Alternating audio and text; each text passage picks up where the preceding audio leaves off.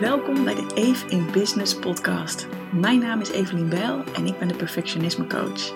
Dankzij mijn online programma Goed Genoeg heb ik al honderden mensen geholpen om hun perfectionisme los te laten en een relaxter leven te leiden dat beter bij ze past. Voor mij staat vrijheid op nummer 1. Ik heb mijn bedrijf zo georganiseerd dat ik elke dag opnieuw kan kiezen wat ik het liefste wil doen. In deze podcast deel ik de behind the scenes van mijn business en geef ik je tips hoe jij ook meer vrijheid, plezier en succes in jouw bedrijf kunt krijgen. Enjoy!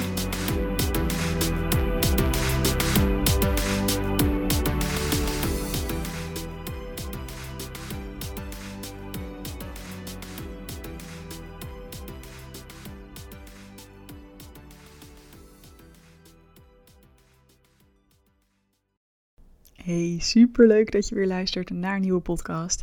Ik heb afgelopen week meegedaan aan de Hell Week, of Hell Week op zijn Engels. En ik dacht, ik doe graag even bloed eerlijk verslag van een niet perfecte week, waar ik toch heel veel aan gehad heb. Ik deel de moeilijke momenten met je, ik deel de toffe dingen die ik eruit heb gehaald. En misschien uh, ja, vind je het gewoon leuk om te horen, of misschien heb je ook wel wat aan mijn ervaringen. Dus stay tuned en dan gaan we lekker daarmee aan de slag. Oké, wat is de Helweek? Voor iedereen die het nog niet heeft gehoord, het is best wel een beetje een buzzword. Ik hoor het echt uh, op veel plekken om me heen dat mensen dit aan het doen zijn. Um, de Helweek is eigenlijk van oorsprong een militair concept, waarin um, mensen die in militaire training zitten tot het uiterste worden gedreven om zo een soort van te testen of ze geschikt zijn voor het leger. Uh, ik weet niet of dat in speciale forces is of bij, bij alles, maar uh, nou, het is in ieder geval een militair concept. En nu heeft uh, een oud-militair, Erik Bertrand Larsen, uh, hier een boek over geschreven. Hij is nadat hij dus uit het leger is gestapt, um, is hij mental coach geworden. En coach die tot topatleten en ook nou ja, leiders van bedrijven en teams, et cetera. En eigenlijk is zijn um, idee hiermee dat hij heeft dus een methode, zeven dagen lang, met bepaalde regels. Um, waarin je eigenlijk jezelf gaat stretchen en gaat kijken van hé, hey, je denkt dat je een bepaald iets aan kan in je leven en dat daarboven dat je dat niet meer aan kan, maar je kunt eigenlijk veel meer aan dan je zelf denkt. En uh, het is wel eens gezond om jezelf te stretchen en te kijken wat je dan allemaal niet voor elkaar krijgt. Um, en ook een onderdeel ervan, dus er zijn een paar regels, of eigenlijk best wel veel regels, dus die zou ik zo met je doornemen. En elke dag heeft ook een thema waarop je gaat focussen. Dus bijvoorbeeld op maandag ga je kijken van, hé, hey, welke gewoontes heb ik eigenlijk? Met welke gewoontes ben ik blij en welke zou ik wel willen aanpassen? Uh, op woensdag kijk je bijvoorbeeld naar hoe besteed ik mijn tijd en kan dat misschien nog handiger of beter? En op zondag reflecteer je op wat je mee wil nemen uit het geleerde wat je de afgelopen week hebt, uh, hebt geleerd. Nou, voordat we naar de regels gaan, eerst even waarom deed ik in godsnaam mee? Want als je zo meteen uh, zult horen, het gaat onder andere over om vijf uur opstaan elke dag en een nacht doorhalen. En als ik dat vertelde aan mensen, dan uh, ja, was het een beetje 50-50 de reacties. De helft van de mensen had meteen zoiets van, oh wat vet dat je dit doet en ik snap het helemaal en uh, wat goed. En de andere helft zei, ik heb letterlijk van iemand gehoord, waarom doe je jezelf deze zelfkastijding aan? en dat snap ik heel goed hoor, want toen ik hier voor het eerst van hoorde, ik denk dat dat van mijn onderbuurvrouw was, um, die dit aan het doen was, dacht ik echt, oh man, ik zou dit echt niet trekken. En om vijf uur opstaan leek me al erg, maar dan een nacht doorhalen en uh, de volgende dag dan weer gewoon allemaal dingen moeten doen. Nou, ik dacht echt, waarom zou je dat doen? Dus ik begrijp de reactie ook best wel. Maar toen ik er wat meer over na ging denken, dacht ik ja, eigenlijk vind ik dat het wel heel, een heel waardevol concept is. Want als ik gewoon puur naar mezelf kijk, um, ik had dit niet moeten doen toen ik nog in de hoogtijdagen van mijn perfectionisme zat, denk ik. Want toen was er al genoeg wat ik van mezelf moest. En uh, ja, was ik al streng genoeg voor mezelf. Maar nu, sinds een aantal jaar, ben ik eigenlijk super lief voor mezelf. Dus ik ben er ook heel goed in geworden om rust te nemen en goed voor mezelf te zorgen. En dat vind ik ook nog steeds heel mooi en heel belangrijk. Um, maar ook zeker sinds ik uh, mijn eigen bedrijf heb, wat ik uh, sinds begin 2018 volledig fulltime doe, zeg maar, heb ik ook niks of niemand meer die mij uh, stretcht of dwingt of uitdaagt om een keer iets te doen buiten mijn comfortzone. Als ik iets niet wil, dan doe ik het gewoon niet, want hey, ik ben eigen baas. En eigenlijk leek het me wel eens goed om toch eens een keer weer gestretched te worden en te voelen van, oh ja, wacht even je kan wel wat meer hebben dan je denkt. Ehm, en dan specifiek ook als het gaat over wat minder slapen. Ehm, ja, ik heb toch wel altijd een beetje zo'n idee gehad van... Oh, ik heb echt minimaal 8 uur goede slaap nodig. En als ik een keer 7,5 krijg of 7 uur... Nou, dan, uh, dan kun je me wegdragen. Dan is mijn hele dag niks meer waard. En, dus ik had daar best wel een soort van... Ja, bijna een beetje slachtofferig gevoel bij als dat me zou overkomen. En dat leek me niet echt een fijne uitgangspositie voor de rest van mijn leven. Zeker ook, stel dat ik ooit een kind krijg, ja, dan kan niemand je meer garanderen dat je sowieso aan je acht uur slaap komt de rest van je leven. Um, hè, misschien maar een paar jaar dat je wat minder goede nachten hebt, maar ja, dan nog, um, dat is ook een van de dingen waardoor ik heel lang heb gedacht: oh, ik weet niet of ik wel een kind wil, want ik weet niet of ik het wel aan kan om minder goed te slapen. Dus ik dacht: weet je wat?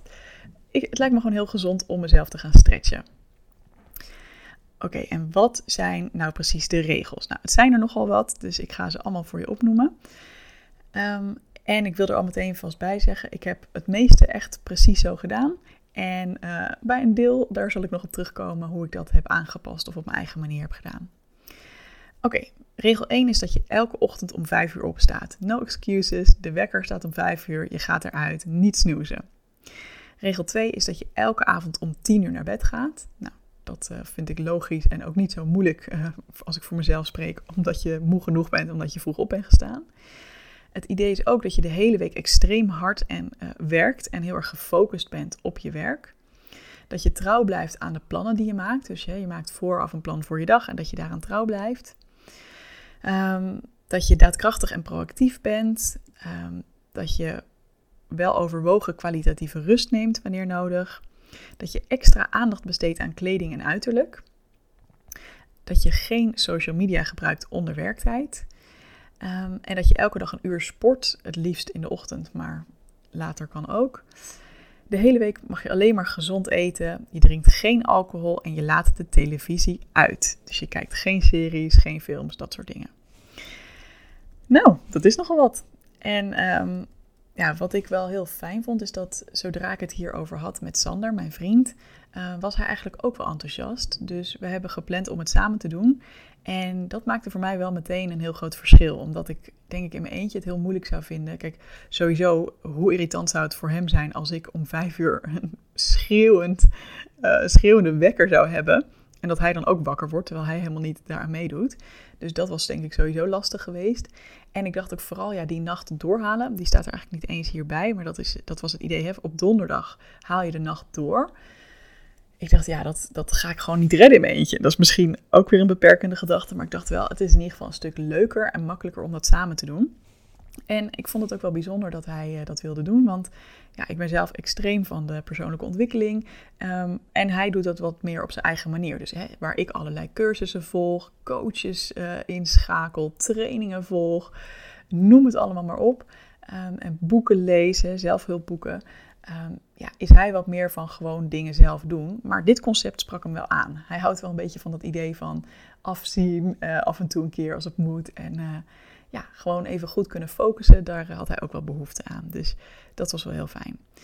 Nou, en hoe we ons hebben voorbereid is, ja, ik heb zelf een uh, documentje aangemaakt, een Google Doc, waarin ik um, ideeën heb opgeschreven van, hey, waar zou ik graag aan willen werken die week? Dus gewoon letterlijk um, bijvoorbeeld in het huis, wat zou ik graag willen doen, wat er netter kan worden, of hè, wat zijn nuttige dingen die ik zou willen en kunnen oppakken in zo'n week. Um, maar ook ideeën om bijvoorbeeld te kunnen doen in die helnacht, hè, want daar, daar ik het meeste tegen op, uh, om wakker te blijven en ja, wat ga je dan precies doen? Um, maar ook bijvoorbeeld uh, heb ik daarin opgeschreven wat we per dag konden eten. Um, Hè, zodat we al een beetje van tevoren de boodschappen konden doen. Dat je er niet te veel over na hoeft te denken nog in die week zelf. Nou, allemaal dat soort dingen heb ik eigenlijk al vooraf verzameld. En ik heb het ook met Sander over dingen gehad van nou, hoe willen wij bepaalde dingen aanpakken. En daarnaast heb ik aan um, uh, mijn onderbuurvrouw Rachel en aan uh, mijn goed genoeg coach Maria, die hebben beide de hele week ook gedaan, heb ik ook nog om tips gevraagd en um, ja, die ook meegenomen in mijn plannen. Alright, en dan nu, hoe was het? Hoe waren al die aspecten? Hè? Hoe ging het met al die regels? Um, en hoe heb ik het ervaren? Ik zie even dat ik er eentje nog vergeten ben, dus die schrijf ik er nog even snel tussen, dat ik die niet vergeet zometeen um, te benoemen. Yes. Nou, allereerst, hoe was het om elke dag om vijf uur op te staan? To be honest, eigenlijk best wel prima. Ehm, de eerste dag was ik vijf minuten voor de wekker wakker. De derde dag twintig minuten voor de wekker. Ehm, en weet je, dus die dagen was het gewoon helemaal prima. Ik heb ook uh, een paar dagen gehad dat ik wel een beetje dacht: oh wow, ik zou nog echt wel kunnen slapen. Maar als ik er dan eenmaal uit was, uh, ging het eigenlijk ook wel oké. Um, al was ik misschien soms even iets minder kletserig in de ochtend dan ik normaal ben. Normaal sta ik gewoon meteen aan, uh, heb ik meteen zin in de dag. Nou, dat was niet elke dag zo, maar soms dus ook wel. En ik heb één, nacht of één ochtend gehad, de dinsdagochtend, dat ik echt dacht: oh mijn god waarom doen we dit? Ik vind dit echt heel heftig.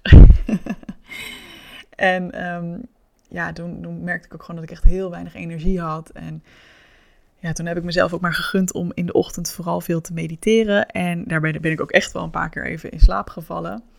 Um, nou, dus dat, uh, dat is hoe dat uh, ging. Maar grappig genoeg merkte ik toen in de loop van de dag alweer dat het een stuk beter ging en kreeg ik weer energie terug. Dus dat was al een soort van bemoedigend van, hmm, oké. Ehm, fijn om te merken dat het dus niet per se een oordeel is van, oh, je wordt een beetje groggy wakker. Um, nu kun je de hele dag wel weggooien. Dus dat vond ik al mooi om te merken. Ik vond het ook heel gezellig om uh, samen op te staan. Normaal hebben Sander en ik een beetje een ander ritme. Ik ben wat vroeger wakker. Niet om vijf uur hoor. maar gewoon echt wel uh, wat meer een ochtendmens. En Sander is ook meer een avondmens. Dus ja, wij, wij hebben vaak uh, ja, verschillende ritmes. En ik vond het best wel leuk om, om dit samen te doen. Um, en het voelde ook wel echt uh, alsof je, doordat je zo vroeg opstaat, heel veel tijd hebt om alles te doen. En nou heb ik sowieso zelf nooit gebrek aan tijd. Want ik heb weinig afspraken en ik ben heel veel, dat vind ik ook heel fijn. Ik ben heel vrij in mijn uh, agenda. Uh, maar dat voelde nu nog meer en nog luxer. Uh, omdat je denkt, ja, het is pas vijf uur. Weet je, ik ga lekker een uitgebreid ontbijt maken. En ja, lekker schrijven of even lezen in het Helweekboek. Nou, voelde echt, echt heel fijn. Um, dus al met al had ik verwacht dat om vijf uur opstaan eigenlijk erger was dan het daadwerkelijk was. Dus dat geeft de burger alvast moed. dan het tweede punt. Hoe was het om om tien uur naar bed te gaan elke dag? Nou, dat vond ik eigenlijk helemaal prima. Um, ik zei het al, ik ben ook niet zo'n uh, zo'n nachtbraker per se. Dus het past ook gewoon wel bij mij. Maar ik merk toch dat ik de afgelopen maanden, en ook een beetje uh, sinds uh, de lockdowns en zo, ja, had ik wat minder dat ik dacht, ik ga lekker op tijd naar bed. Um, ja, dan ging toch een beetje nog s'avonds veel, uh, veel filmpjes zitten kijken. Of weet je wel, gewoon een beetje mezelf zitten vermaken. En daar, daar word ik ook gewoon wel moe van. Dat heb ik al wel gemerkt. Um, nou is voor mij tien uur, weet je, het is ook prima om, om elf uur in bed te liggen hoor, denk ik. Maar ja, in ieder geval uh, zeker niet na half twaalf. Dan, dan is het eigenlijk een beetje te laat voor mij. En ook dit vond ik eigenlijk heel gezellig, want normaal lig ik altijd alleen in bed s'avonds. en uh, nu kwam Sander er gezellig bij natuurlijk. En we hadden dan de Nothing Much Happens podcast opstaan. Dat is een podcast uh, waarin een verhaaltje wordt verteld. Eigenlijk twee keer hetzelfde verhaaltje. Met, you guessed it, heel weinig, uh, ja, er gebeurt niks spannends in. Het is gewoon iemand die heel rustig vertelt over, nou ja, dat ze in de natuur loopt. Of dat ze een gezellig feestmaal aan het bereiden is. En nou ja, echt heel rustgevend. Ik heb daar uh, een paar uh, afleveringen van op een MP3-speler gedownload en die ligt dan onder mijn kussen, uh, zodat ik ook altijd daarnaar kan luisteren. Nou, dat werkt als een tiet, dus dat was heel fijn. En zeker ook voor Sander, die natuurlijk normaal veel later gaat slapen, was dat denk ik ook een fijne manier om, om dat voor elkaar te krijgen. Dan het blokje elke dag een uur sporten. Nou, dit is meteen iets waarvan ik kan zeggen, dat heb ik niet gedaan. Um, ik heb het wel geprobeerd hoor. Um, wat ik wel heb gedaan is dat ik twee keer een uur lang met mijn personal trainer heb gesport. Dat is ook wat ik normaal altijd doe. Um, en ik ben ook heel trots dat ik uit mijn comfortzone ben gegaan door op dinsdagmiddag met Sander mee te gaan bolderen. En dat is wel een leuk verhaal misschien. Dat is iets waarvan uh, hij doet dat al een tijd.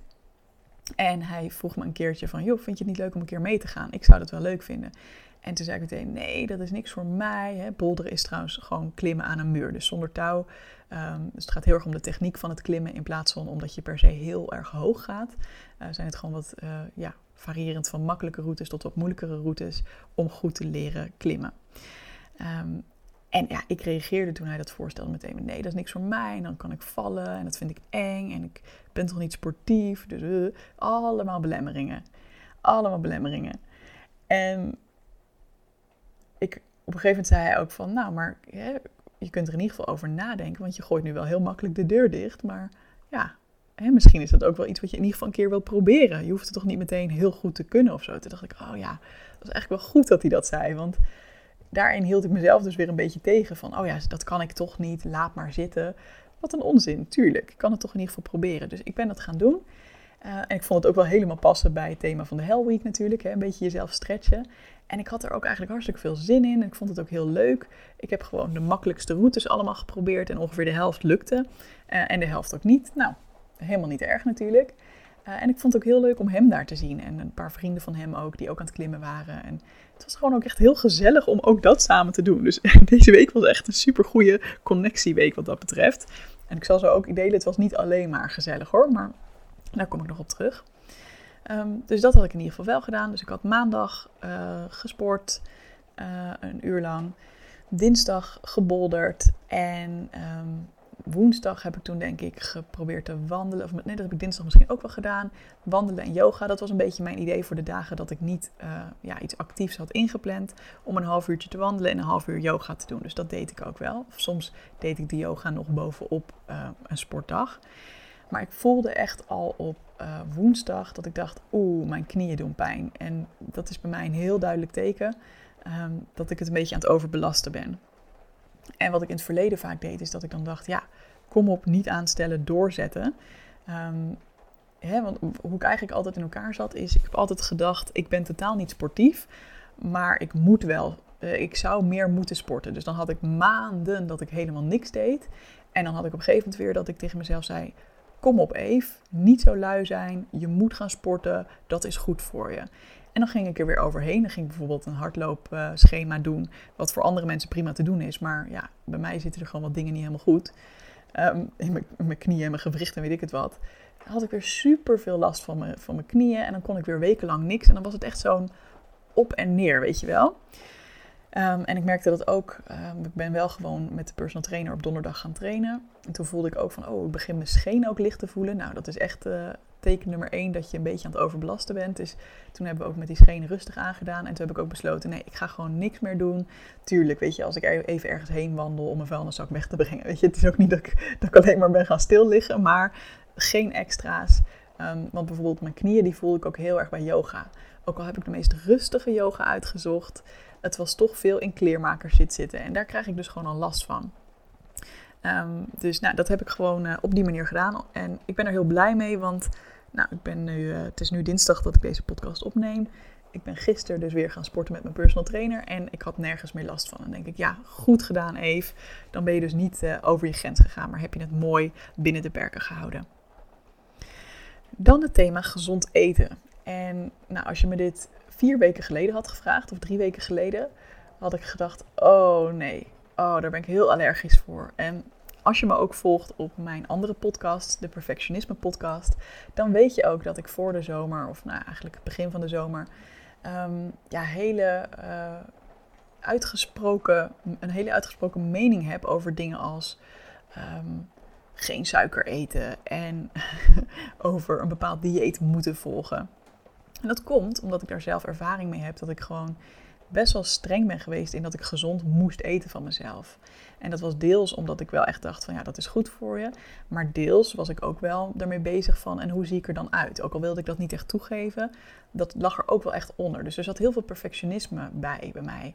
En ook echt dat ik voelde van, oh, als ik een, een keer iets heb gegeten wat dan niet gezond is, tussen aanhalingstekens, of ik ben niet goed bezig, dan voelde ik me ook echt slecht over mezelf.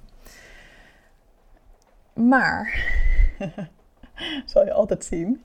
Um, dus ik, ik heb een tijd lang, echt jarenlang, heb ik mezelf toegestaan alles te eten wat ik wilde. En dat voelde ik heel goed. Um, en ook gewoon suiker en chocola en alles. Maar nu is er een medische reden voorbij gekomen dat het voor mij beter is om eigenlijk toch weer een beetje gezonder te gaan eten. En bijvoorbeeld toch die suikerinname wat te gaan beperken. En toen ik dat voor het eerst hoorde, dacht ik: nee, dat wil ik echt helemaal niet. Want ik, ik, ja, ik voelde er heel veel weerstand tegen. ik dacht: nee, ik wil niet weer veranderen in die persoon die super streng voor zichzelf is. En uh, nou ja, ja, waar het allemaal alleen nog maar daarom draait. En dat er nooit meer iets kan. En weet je wel, dat er allemaal regels zijn. Maar op een gegeven moment besloot ik: nee, wacht even. Ik ben nu verder dan ik een paar jaar geleden was ik ben nu beter in staat om keuzes te maken die goed voelen, zonder daarin door te schieten en zonder mezelf te veroordelen als het een keer niet zo perfect gaat hè, qua eten. Een beetje de 80-20 regel, dat kan ik inmiddels gewoon doen, omdat ik natuurlijk heel veel zelfcompassie heb, omdat ik geen last meer heb van perfectionisme. Dus ik was toevallig al twee weken bezig met gezond eten in de zin van hè, wat minder, hè, minder of geen suiker. Nou, dat is niet waar trouwens, ik ben absoluut niet suikervrij, want dan moet je echt alles laten staan waar suiker in zit, maar meer ja, ik eet niet meer zomaar melkchocolade. Of misschien gewoon niet zoveel meer, weet je wel. Dat soort dingen. Uh, en gewoon wat meer groenten, wat meer noten, wat meer, nou ja, dat soort dingen allemaal. Dus ja, weet je, wat dat betreft um, ging dat wel prima. Uh, en had ik daar eigenlijk niet zo heel veel moeite mee. Uh, mijn moeder was zondagjarig. Toen heb ik een klein stukje taart genomen en een bonbon. Helemaal prima. voelde ik me ook niet schuldig over. Um, en bijvoorbeeld ja, alcohol laten staan, dat vind ik niet zo heel moeilijk. Want voor mij is alcohol meer een gezelligheidsdrankje dan dat ik het echt heel graag in mijn eentje of weet je wel, met z'n tweetjes, dat ik per se moet drinken. Ehm, ik ga komende week wel op vakantie. dan is het vaak wat anders, want dan zijn er veel vrienden. En dan vind ik het wel gezellig. Maar nou ja, we'll see. Komt vast ook wel weer goed. Ehm, dus dat ging eigenlijk ook wel prima. Uh, wat ik trouwens heb gedaan voor iedereen die denkt: oh ja, ik, ik vind dat ook wel een fijn idee, of ik moet dat ook om medische redenen. Ehm, ik heb ook supplementen genomen voor, uh, dat heet probiotica. Want ik heb ergens gelezen dat als je ehm, heel erg last hebt van sugar cravings, dan kan het ook zijn dat je darmen echt even moeten wennen wanneer je dus niet meer zomaar s'avonds bijvoorbeeld chocola gaat eten. Um, dus ik heb mezelf het gegund om gewoon meteen vanaf dag 1 dat ik dit ging doen, ja, die, uh, die supplementen te nemen, die probiotica te nemen.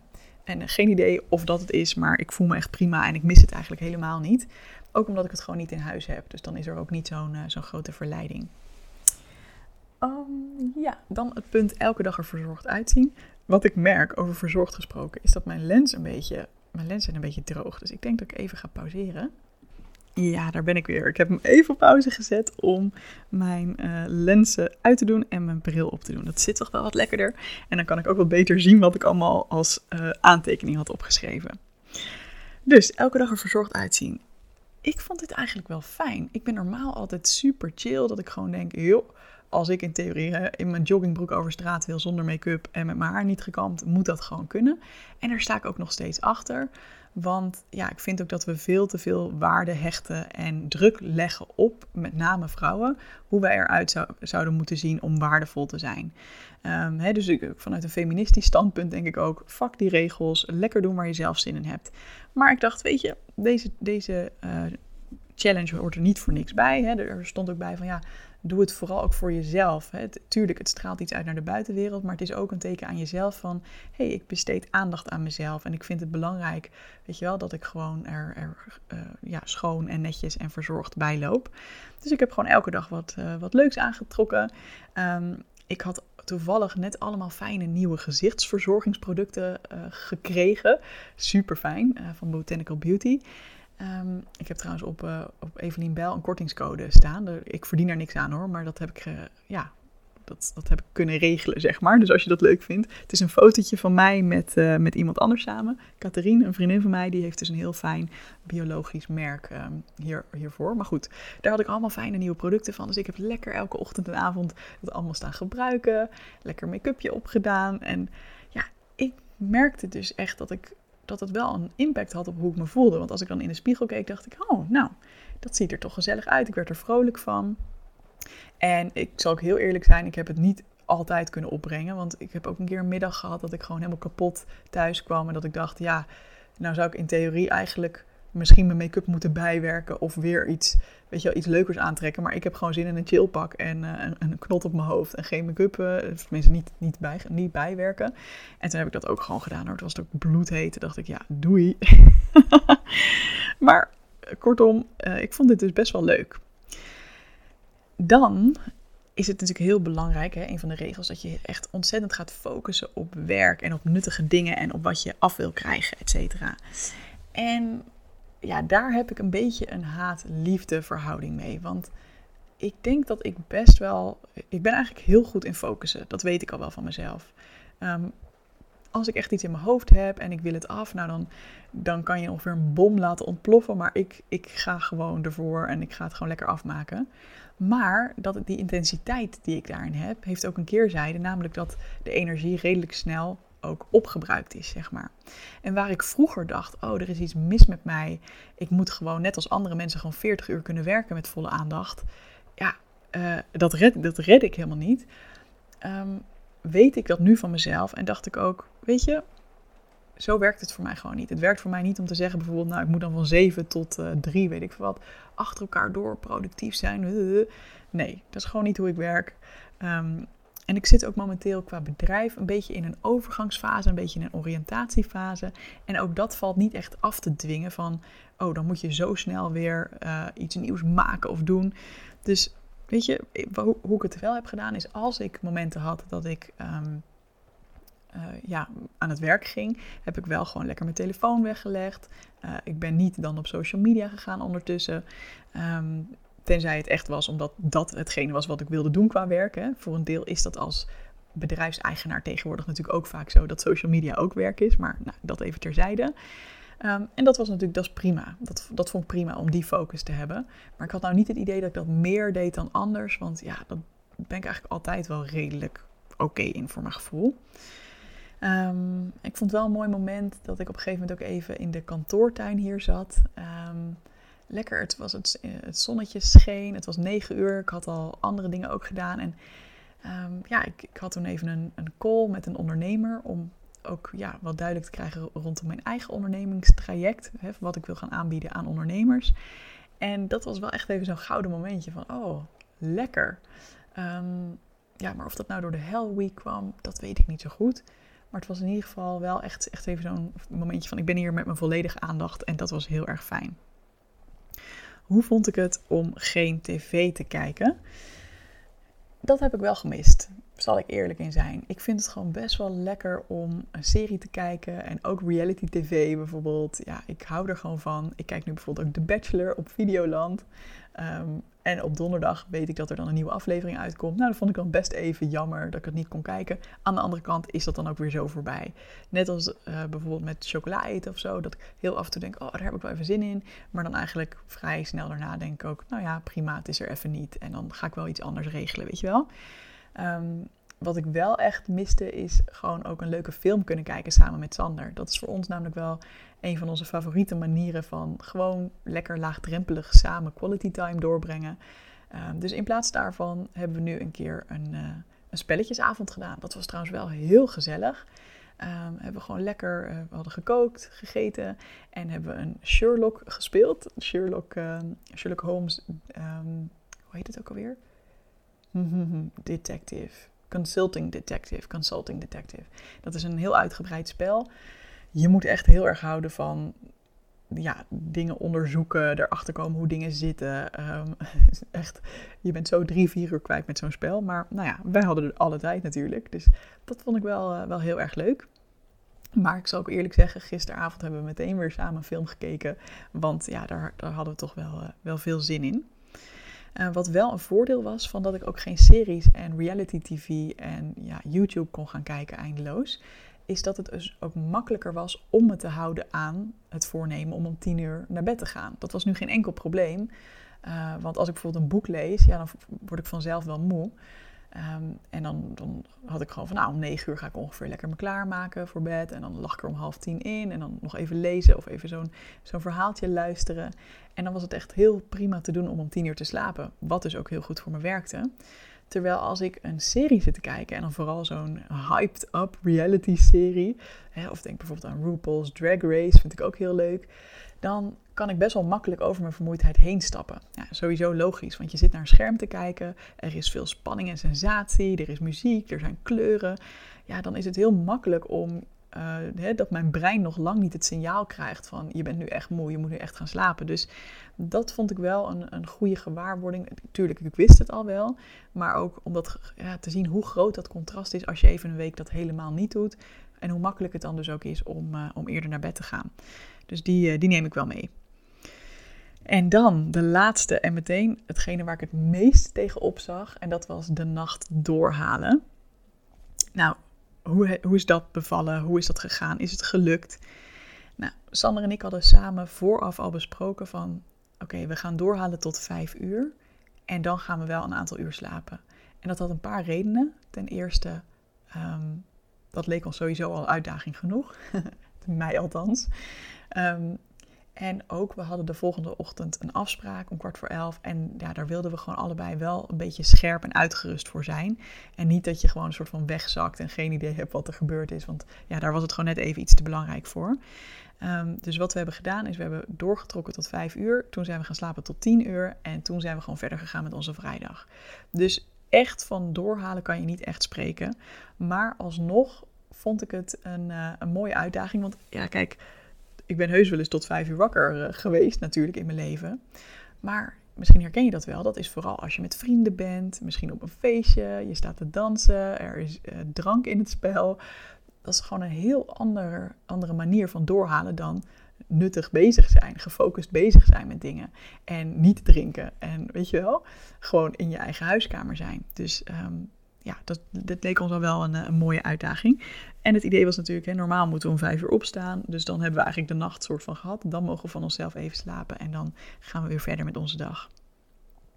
Um, nou, ik heb ook iets heel geks meegemaakt, dat zal ik zo nog vertellen. Maar um, ja, even globaal hoe het ging.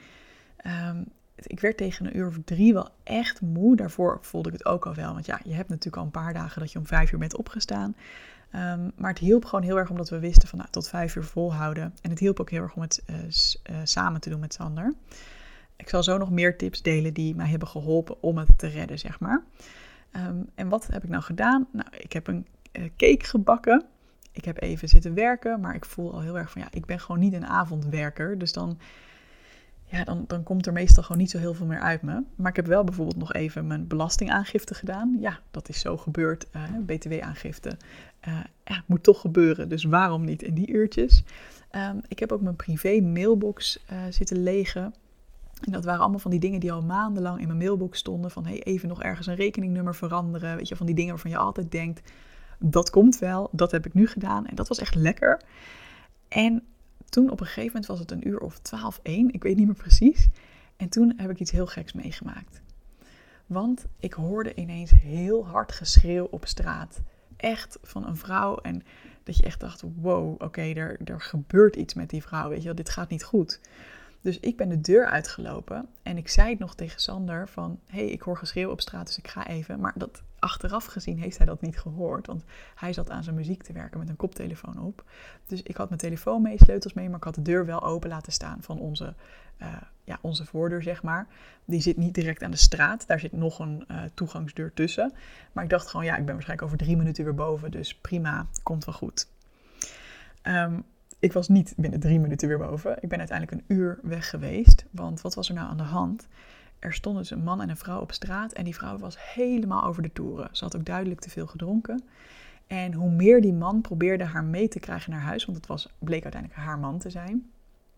Hoe, meer, hoe kwader zij werd en hoe meer zij hem ging stompen en harder ging, ging roepen en schelden. En ja, ik, ik voelde van, oh, er, er, er gaat iets helemaal niet goed hier. Um, en dat lag uiteindelijk helemaal niet aan die man. Uh, maar dat is natuurlijk het eerste wat ik, wat ik dacht: van oh, wordt er hier iemand mishandeld? Nou, dat was dus niet het geval, gelukkig. Um, maar wat ben ik nou gaan doen? Ik ben die vrouw vragen gaan stellen en gaan reflecteren op haar gevoel. Want er stonden ook wat andere mensen op straat en heel veel mensen hadden een beetje commentaar. En dat merkte ik ook elke keer. Hoe meer mensen zeiden: je moet nu stil zijn en je moet nu weggaan, hoe harder zij ging schreeuwen en meer in de weerstand ging. En ik had toevallig net het boek um, Geweldloos communiceren uitgelezen. Uh, misschien ken je dat wel. Dat gaat over hoe je omgaat met een ander en emoties. Um, in plaats van dat je zelf getriggerd wordt en direct daarop gaat reageren, dat je eerst luistert en begrip toont, et cetera. En dat je dan veel dieper met elkaar kan komen. En uh, ja, dat je elkaar dan veel beter begrijpt. Dus um, ik, ja, ik hou er dan ook altijd van om dat soort dingen meteen in de praktijk te testen. En um, dus ik deed, ze praat in het Engels. Ik zei, oh, you're very mad, you're very mad. Oh, it's not fair. You feel like you've been treated unfairly. En ik merkte met alles wat ik zei dat ze me aankeek en zei, ja, inderdaad, weet je wel. En ze werd een beetje rustiger. Maar dan kwam het daarna wel weer naar boven, want het ging heel erg in een loop, zeg maar. Op een gegeven moment liep ze zelfs naar het café, wat bij ons in de buurt is, om op de ramen te bonken. Want ja, ze had het idee dat, hè, en dat bleek ook wel te kloppen volgens die man, ja, ze waren gewoon heel onaardig behandeld daar. Um, dus ja, dat gewoon niet op een fijne manier eruit gezet. Dus zij was, wilde er echt gaan vechten. En ja, dat was natuurlijk gewoon uh, niet zo fijn. Um, dus ik, ik, liep ook mee. En er was op een gegeven moment ook iemand die zich echt ermee ging bemoeien. Een type waarvan ik al een beetje dacht, hmm, is die, probeert hij nou echt het hier beter te maken of is hij op ruzie uit? Dus nou ja, ook daar heb ik contact mee gemaakt. Ik vraag hoe heet je? En uh, hij zei dat hij in de straat woonde en dat zijn kinderen probeerden te slapen. Dus ik vroeg daar even naar, oh dat is wel vervelend. Zei hij, oh nou ja, eigenlijk klopt dat niet hoor. Maar uh, nou ja, hè. Uh, maar hè, want je merkte gewoon dat er daarvoor bijna ook een handgemeen ontstond omdat uh, hij dus ook tegen haar ging zeggen: Ja, nou moet je echt even stil zijn. En daar werd zij zo boos van dat ze helemaal naar hem toe ging wijzen en hem zelfs aanraakte. En daar ging hij weer agressief op reageren: van ja, als je hem nog één keer aanraakt, dan. Nou, je kunt het je vast voorstellen. Dus ik heb met beide mensen contact gehouden. En ook met die ene jongen, nou, die droop dan uiteindelijk wel af. En ik denk echt dat het kwam omdat ik gewoon zei: Oh joh, volgens mij, je bedoelt het vast goed. Hij had ook op een gegeven moment die vrouw haar bril op straat gevonden en haar gegeven. Dus weet je wel, ik zei volgens mij bedoel je het ook goed hè. Ja, dit is ook lastig en... Um, joh, volgens mij uh, ben jij ook gewoon hier uh, de, meest nuchtere van de twee. Dus nou, misschien is het gewoon slimmer om, uh, om even weg te lopen. Want dit, dit helpt niet echt. En, maar gewoon op een, weet je wel, op een vriendelijke manier. En ja, zonder hem te vertellen van je doet het niet goed, zeg maar. um, dus die is uiteindelijk weggegaan. En nou ja, die vrouw bleef dus maar herhalen wat er niet goed was gegaan. Dus dat duurde heel lang. En op een gegeven moment, hè, dus ik bleef maar erkennen, ik bleef maar erkennen. En op een gegeven moment zei ik, mag ik je wat vragen? En toen zag je echt even een soort van switch. En toen zei ik, kijk, daar is mijn huis en waar is jouw huis? En toen wees ze een bepaalde richting op. En toen zei ik, oh, mag ik anders een stukje met je meelopen? Of wil je een stukje met me meelopen? Um, dus nou, dat lukte. En die man en die vrouw gingen samen mee. En ondertussen kwam er nog steeds wel veel uit. Dus dat, nou, dat bleef ik erkennen. Ze werd op een gegeven moment ook heel verdrietig. Dat ze echt zei van, uh, nou, uh, ik wil niet meer leven en weet ik het wat. Dus dat was echt heel, heel sneu en verdrietig. Uh, en ook daarop zei die man weer, ja, dat moet je niet zeggen. En ah, jawel. en ik zei, ja, dat is hoe jij het nu voelt. Dat is hoe je het nu voelt. Dus ik heb er zelfs omhelst en, weet je wel, helemaal meegenomen naar haar huis toe. daar nog even met haar gezeten, water gedronken en ja, uiteindelijk heb ik haar in redelijk kalme staat weer achtergelaten. Maar ik merkte echt, het was eigenlijk een heel lief iemand. Het was iemand die, uh, ja, in haar familie waren bepaalde dingen waar zij, ze wilde heel goed voor hen zorgen. En dat ging allemaal niet. Um, en ja, dat zei die man ook. Ze is eigenlijk veel te lief voor, voor deze wereld. En nu was ze zo gemeen behandeld dat het gewoon echt iets triggerde. Hij zei, ik, ik ken haar al 25 jaar. We zijn al 25 jaar getrouwd. En ik heb dit nog nooit eerder gezien. Zo, dus ja, weet je, het heeft me ook wel weer geleerd van, nou ja, ten eerste wat het dus doet om gevoelens te erkennen en uh, hè, in plaats van ze, ze te proberen weg te stoppen en te zeggen je moet nu stoppen, maar ook niet te snel oordelen. Want toen ik hoorde wat voor geluid er was, dacht ik eigenlijk alleen maar, oké, welke maloot is hier aan het schreeuwen, weet je wel? Nou, even een enorm uitstapje. In ieder geval, ik ben teruggelopen. Ik heb Sander gebeld en die had ook echt iets van, waar was jij nou ineens? Want die had dus helemaal niet gehoord dat ik wegging. En... Uh, nou ja, dat was verder helemaal geen ramp of zo, maar die dacht alleen, huh, waar is Eve nou? Um, dus dat was ongeveer van 12 tot 1 of van 1 tot 2, dat weet ik dus niet meer precies. En um, wat we daarna nog hebben gedaan, eh, want toen, ja, onze focus was toen ook echt wel een beetje weg qua werk en dat soort dingen. Uh, dus toen zijn we samen de keukenkastjes gaan uitruimen. Nou, vooral Sander heeft veel gedaan en ik heb een beetje geholpen. We hebben nog een spelletje gedaan samen. We zijn, uh, ik heb nog een gezicht, gezichtsmaskertje opgedaan. En om half vijf zijn we gaan wandelen en daarna dus naar bed gegaan. En um, ja, wat hielp mij om wakker te blijven? Nou, sowieso het dus samen doen vond ik fijn. Um, want in mijn eentje ja, zou ik het minder makkelijk vinden om die commitment vast te houden, denk ik. En ja, gewoon ook letterlijk om mezelf te entertainen. Ehm, het hielp mij ook gewoon om het commitment te maken voor een bepaald tijdstip. Dus ook als we misschien hadden gezegd tot 12 uur of tot 7 uur de volgende dag, um, dan hadden we misschien ook wel gered. Maar nu hadden we dus gezegd, nou, 5 uur. En dan weet je van, nou ja, dan, dan kun je het ook een beetje af te gaan tellen, zeg maar. Um, het hielp ook dat ik vooraf plannen had gemaakt van wat ik allemaal wilde doen en kon doen als ik echt heel moe zou worden. Ja, bijvoorbeeld even er tussendoor koud gaan douchen, even die wandeling maken en af en toe wat eten. Dat zijn wel echt dingen die me er doorheen hebben geholpen. Oh ja, en heel belangrijk, energieke muziek draaien. Ik draai normaal helemaal niet zoveel muziek, maar ik heb deze nacht echt uh, af en toe, ik heb een bepaald liedje echt op repeat gehad. En dat is In Your Mind van iemand en Gigi D'Agostino. En die eerste persoon weet ik even niet meer. Maar als je gewoon zoekt In Your Mind Gigi D'Agostino, dan vind je hem al wel. En dat heb ik echt wel meer dan een uur op repeat gehad. Dat was echt heerlijk. Dus uh, ja, dat was, uh, dat was wel onwijs uh, fijn. Dat hielp me ook echt om mijn, mijn spirits hoog te houden. Nou, en dan het belangrijkste, hoe voelde ik me na die nacht? Ja, ik dacht dus echt dat ik best wel verrot zou zijn. Want vijf uur slaap in mijn boekje is dat gewoon niks. Maar ik voelde me letterlijk geweldig. Ik heb het, de hele dag energie gehad. Uh, er was ook een vriendin die had gevraagd of we zouden afspreken. En ik zei, nou, ik moet nog even kijken hoe ik me voel. En ik dacht eigenlijk van, grote kans dat ik alleen maar op de bank wil liggen. Maar ik ben erheen gefietst. We hebben 2,5 uur gekletst. Ik voelde me nog energiek en ik ging weer terug naar huis. En ik dacht echt, wow, moet je kijken. Sander was wel heel erg moe. Dus we hebben elkaar ook een beetje afgewisseld in de dagen, zeg maar. En in onze ervaringen. Um, dus het is ook weer niet dat ik denk van ja, het had voor mij ook net zo kunnen zijn dat ik wel heel erg moe was geweest. Maar ja, ik was gewoon echt verrast hierdoor. Nou, dat was een heel verhaal over de, uh, de helweek en de helnacht. En als ik nou op terugkijk van, hè, ja, dat boek heet ook Helweek, zeven dagen die je leven veranderen. Maar is dat ook echt zo? Heeft het echt mijn leven heel erg veranderd? Um, wat neem ik hieruit mee en, uh, en wat misschien ook niet? Um, ja, ik denk wel dat het mijn leven heeft veranderd. Um, kijk, ik denk dat het heel veel betekent ook voor mensen die nog niet zoveel doen aan zelfontwikkeling en aan zelfreflectie. Omdat je dan misschien voor het eerst nadenkt over dingen als je gewoonte en wat je belangrijk vindt en dat soort zaken. En daar denk ik al best wel veel over na. Maar toch zijn er een paar dingen die ik echt, uh, ja, echt wel hieruit meeneem. En het eerste is nou, precies waarom ik het ook deed. Ik wilde leren dat ik meer aan kan dan ik denk. En dat blijkt te kloppen.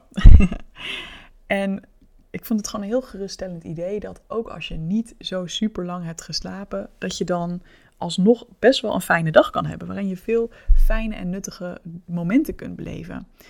Uh, en grappig genoeg heb ik ook echt een paar keer in de week te horen gekregen: Oh, je straalt helemaal. En dat voelde ik ook echt zo. Terwijl ik van tevoren dacht: Nou, die week zal ik wel gewoon doodmoe zijn en is even doorbikkelen. Nou, soms wel even, maar het grootste gedeelte dus niet. Dat vond ik heel cool. En ook dat ik heb geleerd van, hè, ja, ik, ik heb altijd het idee van, ja, je moet gewoon minimaal acht uur slapen. Ik dan. Anders is het uh, niks. Maar ja, je kan ook energie halen uit andere dingen. Zoals uh, muziek draaien, bewegen, buiten zijn, sociale interactie met mensen. Dat voelde ik ook steeds, dat ik dan weer helemaal opleefde. Uh, en mediteren. ik hou zelf ook van yoga nidra bijvoorbeeld. Um, ik doe altijd die van yoga vayu. Daar heb ik een abonnement op. En weet je, dat is niet om te zeggen dat uh, dat dit soort dingen per se een vervanger zijn voor slaap natuurlijk. Of dat ik iedereen wil aanraden van nou, joh, je kan wel een uurtje minder als je dit maar doet. Nee, helemaal niet. Tuurlijk, als je gewoon, hè, slaap is denk ik het allerbelangrijkste. Maar ik vond het voor mezelf heel geruststellend van als het een keertje niet lukt om die acht uur te halen, dan zijn er andere dingen die ik kan doen om mezelf te ondersteunen. En er hoort misschien ook wel bij dat je overdag dus wel een dutje doet. En um, bij mij dan met zo'n yoga nidra, waarbij ik bijna altijd in slaap val ja, dat is, ook, uh, dat is ook slapen, dat is ook rust. Dus ook als het in de nacht niet gelukt is, kun je het nog wel compenseren. En voelde ik me ook echt beter daarna. Dus dat, dat vond ik heel fijn om te merken. Nou, tweede inzicht had ik eigenlijk al benoemd. Heerlijk om rond 10 uur naar bed te gaan. Uh, misschien wordt het wel weer wat meer richting 11 uur gemiddeld. Uh, nu, hè, als ik ook niet om 5 uur op hoef te staan, is dat ook prima. Maar ja, ik, uh, het is gewoon weer een bevestiging dat dat voor mij heel erg past bij mijn ritme. En een heel belangrijk inzicht ook over onze relatie is, uh, ik denk dat dit eigenlijk voor iedereen geldt. Als ik moe ben, en ook als Sander moe is, maar dat zal voor iedereen gelden, dan kom ik sneller in mijn eigen valkuilen en irritaties terecht. En hè, om een voorbeeld te geven van mij. Ik heb als valkuil dat ik soms ineens iets heel belangrijk vind. En dan moet het ook precies op die manier gaan. En op dat moment ook meteen geregeld en afgesproken worden. En dan kan ik een beetje starrig en emotioneel reageren als de ander niet meegaat in mijn zin. En dat kan echt tot een beetje een ontploffing leiden. En dat hebben we deze week dus ook een keer gehad. En um, waarbij ik dan echt denk, nou, ongelooflijk dat hij dit nou niet begrijpt. En dit is toch heel belangrijk voor mij. Nou, dat het echt een, een strijd wordt.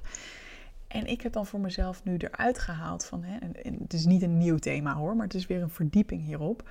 Van ja, eigenlijk als ik dat voel, van nou, hoe kan hij dit nou niet begrijpen? Dan, dat is bijna altijd het teken dat er bij mij eigenlijk al een soort van spanning op een thema zit. En dat het voor mij heel belangrijk is en dat ik het daarover moet hebben. Dus in plaats van dat ik dan hem bijvoorbeeld ga aanvallen, kan ik beter even een moment nemen voor mezelf. En ehm, bedenken van, hé, hey, wat wordt hier nou getriggerd? Wat is hier nou zo belangrijk voor mij? En pas wanneer ik dat echt goed kan uitleggen, het daarover hebben, zeg maar. Uh, want ik merk ook dat Sander, als ik het uitleg, daar bijna altijd begrip voor heeft. Um, en ik zal het niet over zijn patronen hebben, hè, maar natuurlijk zijn er ook dingen die hij handiger kan doen. Of die, die beter werken als hij die anders doet. En ik vond het gewoon heel fijn om te merken dat we dit hebben opgemerkt, dat we het daarover hebben gehad. Dat we er heel goed doorheen hebben gewerkt. Waardoor ik me ook echt nog weer closer voel met hem dan hiervoor. Omdat ik denk, ja, nice, dit kunnen we dus gewoon aan. En hier kunnen we gewoon ja, nog fijner aan werken. En dat vind ik echt een mooi geschenk. En tenslotte, wat ik meeneem, is dat ik er eigenlijk best wel trots op ben dat ik mezelf heb toegestaan om me niet 100% perfect aan de regels te houden deze week. Want hè, om dat voorbeeld weer aan te halen van het sporten, ik weet gewoon uit ervaring, als ik over mijn grenzen ga, kan ik weer een paar weken niks doen. En dat is niet wat ik wil. Dus ik heb daar naar mijn lichaam geluisterd.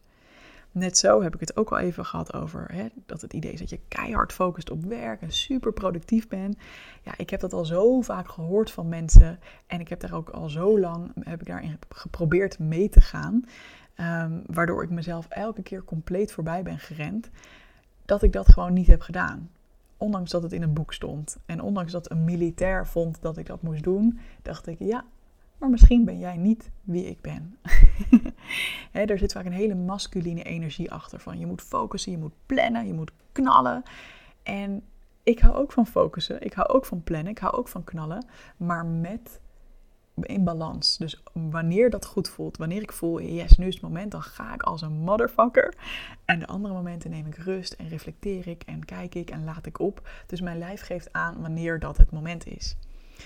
Uh, en ik weet ook, want ik heb het al zo vaak geprobeerd op die andere manier. En dan krijg ik uiteindelijk suboptimale resultaten. Want dan focus ik vaak op de verkeerde dingen, op het verkeerde moment, waardoor het net niet helemaal lekker werkt. En dan heb ik dat al aanvoelen komen. Maar dan heb ik dat genegeerd. En door het juist op de goede momenten te pakken, dat het natuurlijk komt, krijg ik veel meer gedaan in minder tijd. En uh, voelt het ook echt beter. Um, dus hè, als voorbeeld, ik was dus dinsdag heel moe. De hele ochtend geen fuck gedaan aan werk prima. Uh, ik ging rond drie uur naar huis, want we zouden om vier uur gaan bolderen. En ineens, toen ik thuis was, kreeg ik een briljante brainwave. Heb ik dat even ingesproken aan mezelf in een kwartiertje. Dat heb ik later die middag nog zitten uitwerken. En dat is echt een gouden idee waarvan ik denk: yes, dat wordt echt awesome. Ja, en zo, dat is dan even één voorbeeld, maar zo gaat het bij mij vaker. En dat is ook deze week vaker gebeurd. Waar ik gewoon echt even een paar uurtjes of eventjes helemaal in de inspiratie echt iets tofs heb afgerond. Waarvan ik dacht, ah, nice. Dat had ik voor deze week nooit bedacht. Nu is het gewoon af en nu is het gewoon een briljant plan wat de rest van mijn leven mee kan, weet je wel? En het derde waar ik me ook, uh, ja, waar ik ook wel trots op ben, is dat ik me gewoon ook niks heb aangetrokken van wat anderen zouden vinden van mijn prestaties. ik kan me voorstellen dat er mensen zijn die mij, naar mij kijken of uh, dit horen en denken: ja, en dan haal je die nacht niet eens echt door. Ja, daar, dat is toch wel minimale. Daar gaat het nou juist om. Ja, dan heb je het een beetje halfbakken gedaan. En dan ben je niet eh, echt uit je comfortzone gegaan. Prima. Prima. Ik weet zeker dat er mensen zijn die dat vinden. En weet je, ik voel wel heel duidelijk inmiddels, het is mijn leven en ik doe deze helweek met een bepaalde reden. Ik wil er iets uithalen. Dat heb ik er ook uitgehaald. Dus dan is het helemaal goed. Ik bepaal mijn eigen regels. En um, ja, dat, uh, daar heb ik ook al wat eerdere podcasts over opgenomen. Over eigenwijs zijn en over um, succesvol zijn. Juist door, volgens mij door eigenwijs te zijn. Uh, hè, wanneer je niet naar anderen moet luisteren, is ook een podcast. Ehm, en ook over masculine versus feminine energie en over de cyclus. Dus ja, dat past gewoon heel erg bij mij. Kortom, lang verhaal kort. Ik vond het een hele mooie week. En hij heeft me nog iets bewuster gemaakt. En uh, ja, nog iets bewuster en meer doen stilstaan bij wat voor mij belangrijk is. Um, ik ben eigenlijk ook wel heel benieuwd. Heb jij ook wel eens een Hell Week gedaan? Zo ja, hoe vond je het en wat heb jij eruit gehaald? En als je overweegt om zoiets te doen, nou, misschien vind ik het wel leuk om ja, even te weten van jou, heb je iets aan deze podcast gehad? Of zelfs als je denkt, nou, ik ga die Hell Week niet doen, maar ik neem er toch wat uit mee, vind ik dat super leuk. Dus je kunt me altijd even een DM sturen op Instagram. Daar ben ik even in business. En uh, nou, graag tot de volgende podcast.